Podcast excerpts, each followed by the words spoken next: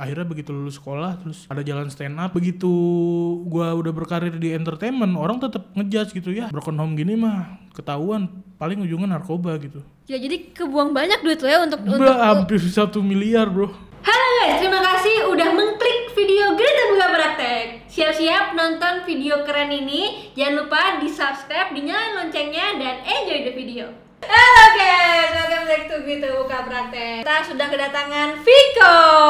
halo teman-teman wah yang mana nih banyak banget kameranya Yang depan aja, Oh, iya. karena itu nanti fokus ke lu. Oke. Satu gambar ntar muka lu semua. Ger Oke. Tapi ya aku, Viko mau ngomong assalamualaikum aja lucu. Coba. Bismillahirrahmanirrahim Assalamualaikum Itu tuh dulu pas 2013 Pas 2013 awal stand up Kan itu kemunculan pertama aku di TV Terus Kan badannya gede gitu Terus serem gitu kan. Tiba-tiba ngomong salamnya imut banget gitu. Assalamualaikum gitu. Seorang jadi kayak patah gitu. Wah ini looknya kayak gini Pasti sangar nih. Tau-tau imut Tapi imut kok kalau dilihat dari deket. Hmm, Iya sekarang. Karena kan sekarang udah apa kayak MS Glow ya. Eh, oh, siap. Tapi awalnya gimana? Semenjak corona ini lo mulai lo kan jarang nih sebenarnya bikin video kayak gini, Hmm, lebih ke off air banget. kan, lebih ke off air. Terus sekarang eh, karena semua memang pindah ke online ya, sampai kayak konser aja online semua. Akhirnya lo membuat eh, video-video lucu. Kenapa nggak dari dulu, Bapak?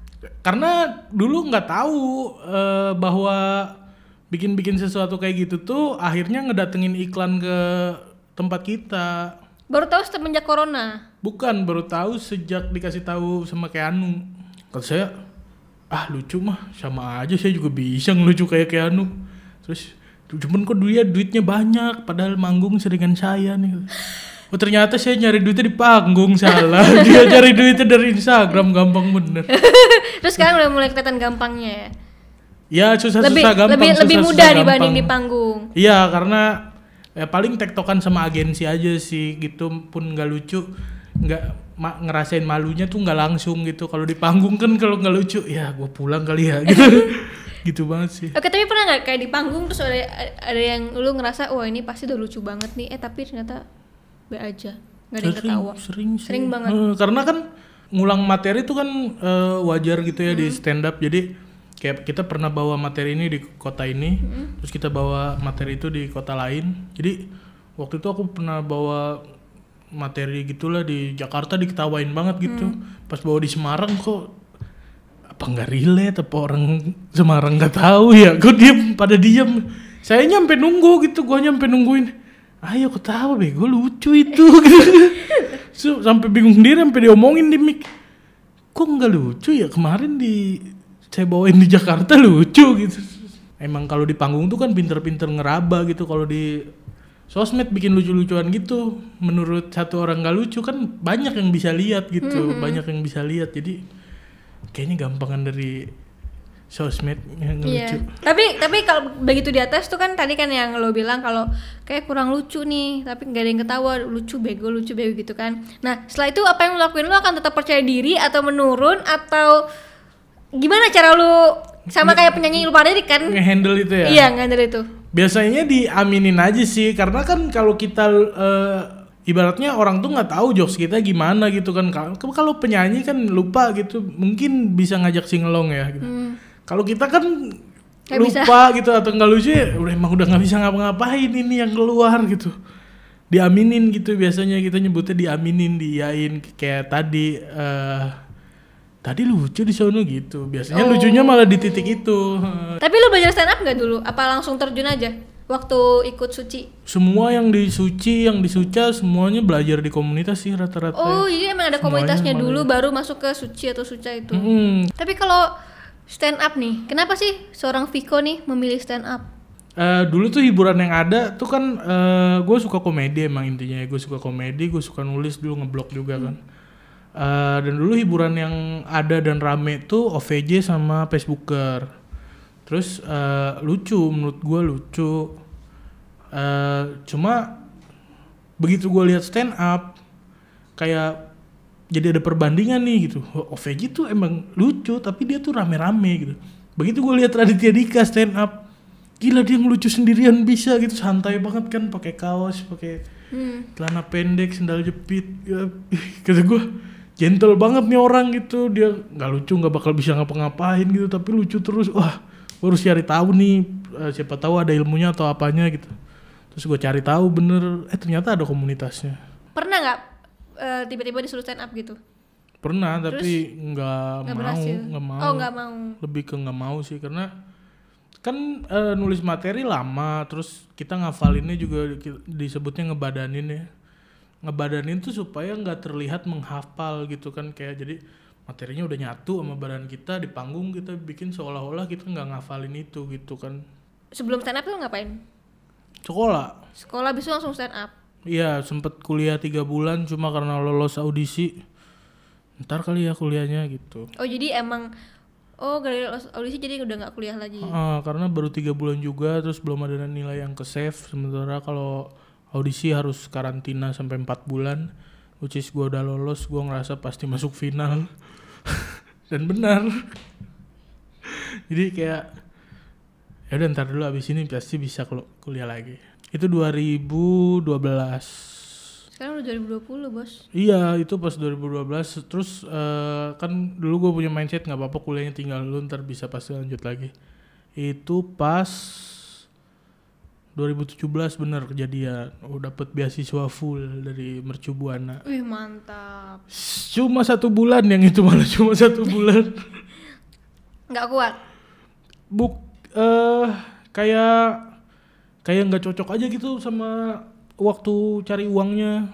Jurusannya apa balik waktu di Mercu? Vcom broadcast. Kom.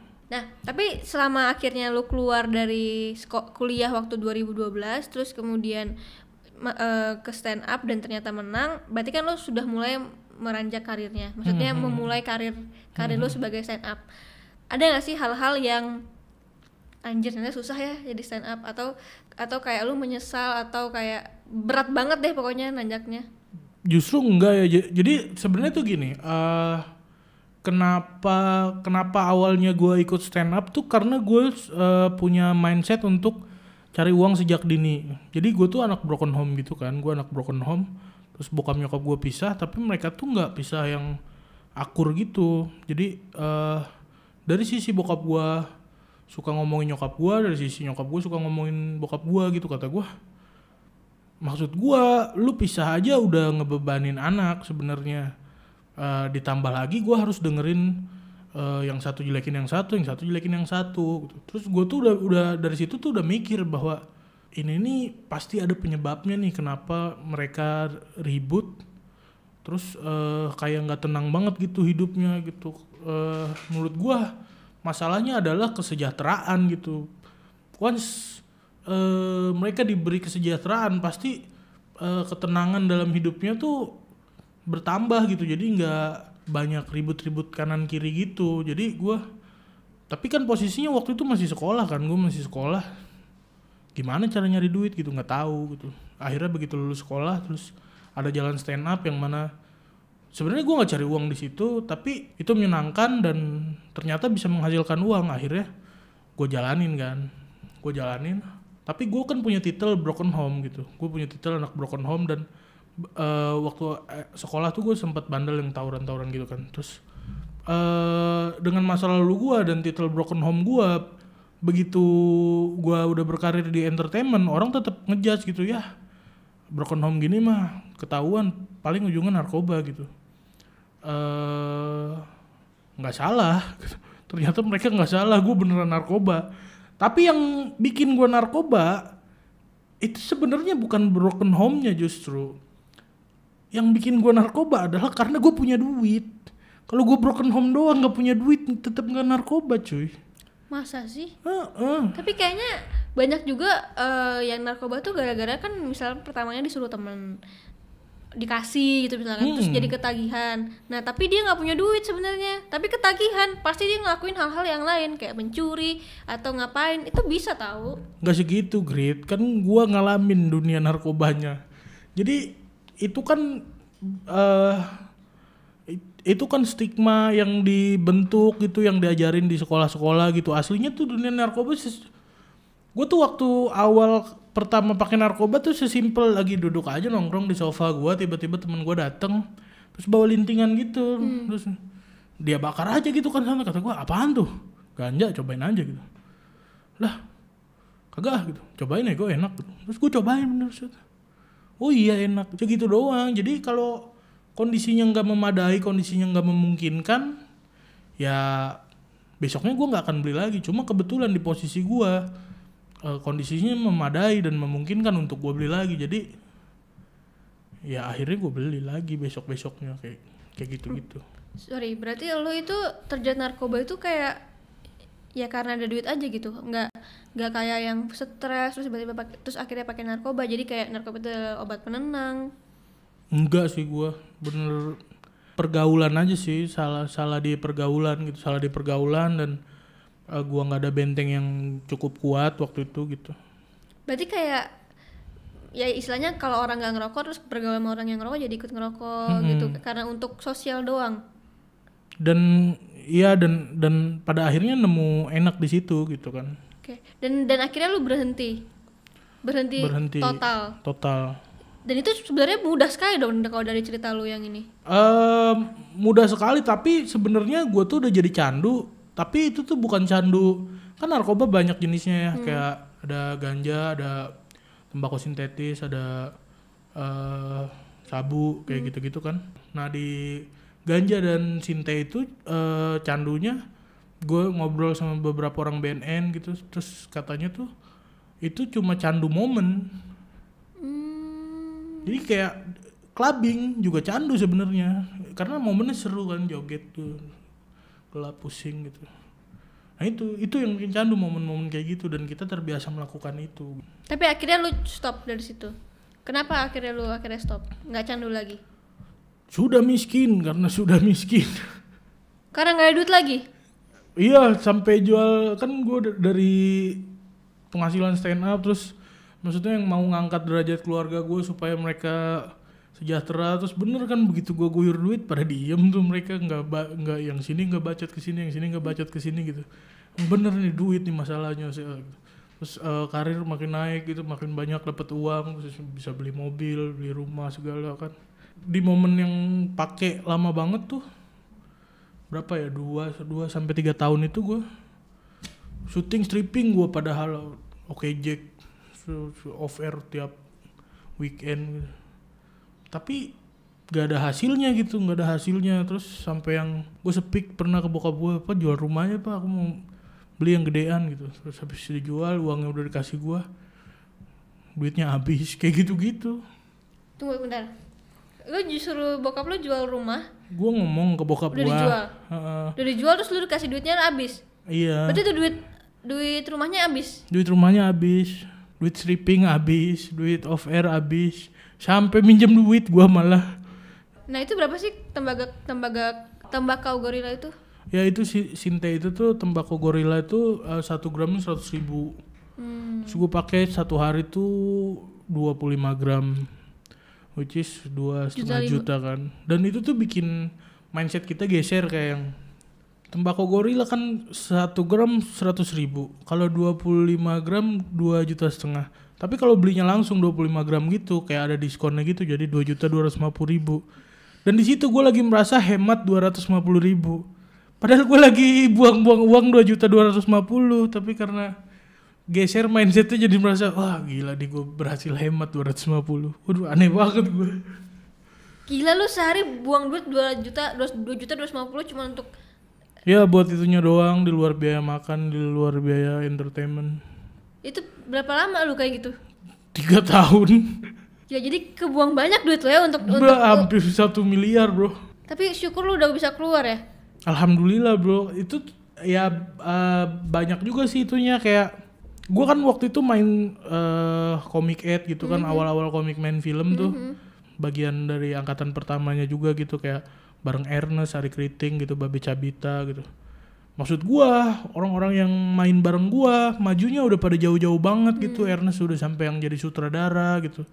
Ari udah sampai menang piala Maya gitu kayak guanya masih yang cari uang buat pakai lagi, cari uang buat pakai lagi gitu-gitu kayak kayaknya ada yang salah nih dan ada yang harus diubah gitu. Akhirnya itu itu itu juga jadi motivasi lu buat stop? Mm-mm, dan kebetulan gua baliknya ke keluarga lagi sih gitu. Balik ke keluarga terus ya dirawat sama mereka gitu. Di istilahnya lebih diperhatiin lagi lah gitu semenjak gua come out itu. Nggak come out sih sebenarnya ketahuan duluan ketahuan bokap gua. Wah dipukulin gua. Aduh gua malu banget nih ngapain ya? Ah. udahlah sekalian aja lah bokap udah tahu. Bikin video di YouTube lah. Maksudnya bukan bukan nyari pembenaran dan apa-apa gitu. Maksudnya ya gue mau nunjukin aja gitu. Kalau lu pakai tuh kondisi lu dari yang tadinya di atas tuh bisa Jatuh. drop sedrop dropnya gitu. Maksudnya gue punya pesan yang kuat banget di video itu. Jadi kalau bisa jangan gitu. Kalau udah berhenti pesannya tuh itu gitu. Cuma gue juga tahu eh, ngupload video itu riskan. Kayak, kayak mungkin ada yang bilang caper atau apa gitu. Tapi ternyata banyak yang dukung sampai media juga pada dukung. Tapi akhirnya dari situ lu mulai pelan-pelan untuk beranjak lagi sampai sekarang? Ya terus ada maksudnya nggak segampang itu juga gitu. Abis itu udah mulai bersih terus eh, keuangan udah normal. Ada lagi keinginan buat balik pakai terus kayak eh, terlena lagi satu dua bulan kayak gitu lagi. Terus bro inget bro inget bro gitu. Lu udah upload video YouTube lu. Kalau ketangkep lu malunya double sama yang nggak- sama yang belum ngaku lu gitu. Lu tuh udah ngaku udah ngasih pesen ke orang-orang jangan pakai gitu kayak gitu gue kayak conversation sama diri gue sendiri. Jadi semua baik lagi ke diri kita sendiri gitu Mm-mm. kan. Kalau tapi kita kebetulan gue di support keluarga sih. Jadi kalau kita nggak bisa ngelawan itu bahaya banget. Bahaya banget. Jadi dari kitanya juga harus ngelawan dan harus ngomong sama diri kita sendiri. Nah oke. Jadi kalau misalkan itu lu bikin pesan di YouTube lu coba sekarang bikin pesan di sini. Buat teman-teman yang nonton video ini eh gue Viko gue ingin menyampaikan sebuah pesan yang mungkin eh, sekarang belum kalian anggap penting. Mungkin sekarang kalian masih sekolah atau kuliah. Jadi eh, awarenessnya tentang ini kecil. Tapi nanti kalau kalian udah punya uang ada godaan yang membuat kalian ingin memakai narkoba udah langsung stop aja cut aja jangan maksud gua kan sama cerita-cerita orang narkoba tuh kalau nggak di penjara kalau nggak di rumah sakit jiwa gitu kalau nggak overdosis kalau nggak meninggal gitu. Itu doang kalau nggak tobat bro ujungnya ke udahlah gitu maksudnya biar kita aja senior senior nih yang ngalamin gitu. Kalian-kalian yang junior kalau setiap kali mau pakai narkoba ingat aja gitu.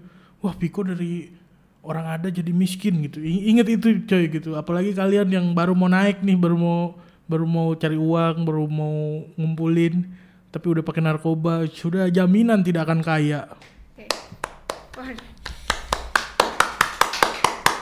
Makasih Kak Viko.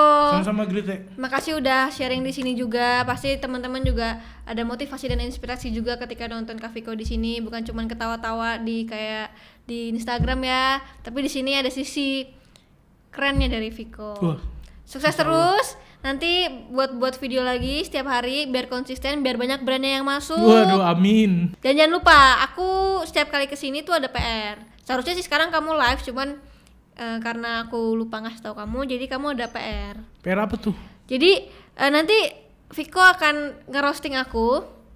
Kamu Wow. boleh kirim aja via selfie, nanti akan aku bikin reaction di video ini. Gue oke ya, lu roasting Grite Agatha. Grite Agatha, kelahiran 96, followersnya 3 juta. Gila. Lu nyalon aja jadi wali kota. Siapa tahu bisa menang banyak suara. Tapi lu kan masih kecil ya. Fans lu berarti lebih kecil. Ngerinya pas di TPS gitu. Suara pertama untuk Grite Agatha tidak sah. Kenapa? Suaranya masih cempreng. Ah, gua main ya ke kantor Grite, gila. Lengkap banget ada studio, ada alat-alat, karyawannya banyak. Tolong buat KPAI. Kalau ada pekerja di bawah umur itu bisa ditindak. Ini ada bos di bawah umur. Tindak sekalian. Oke, teman-teman, makasih nonton video ini. Semoga videonya menghibur. Selain menghibur juga bisa kalian belajar, ada motivasi juga dan inspirasi dan tetap stay di rumah aja. Bareng-bareng kita lawan corona ini biar cepat selesai ya, Bang ya. Biar semua pekerjaan dapat ter- dapat terlaksana dengan lancar, tidak ada halangan. Sampai ketemu di video berikutnya. Dadah. Gimana videonya? Seru kan? Makanya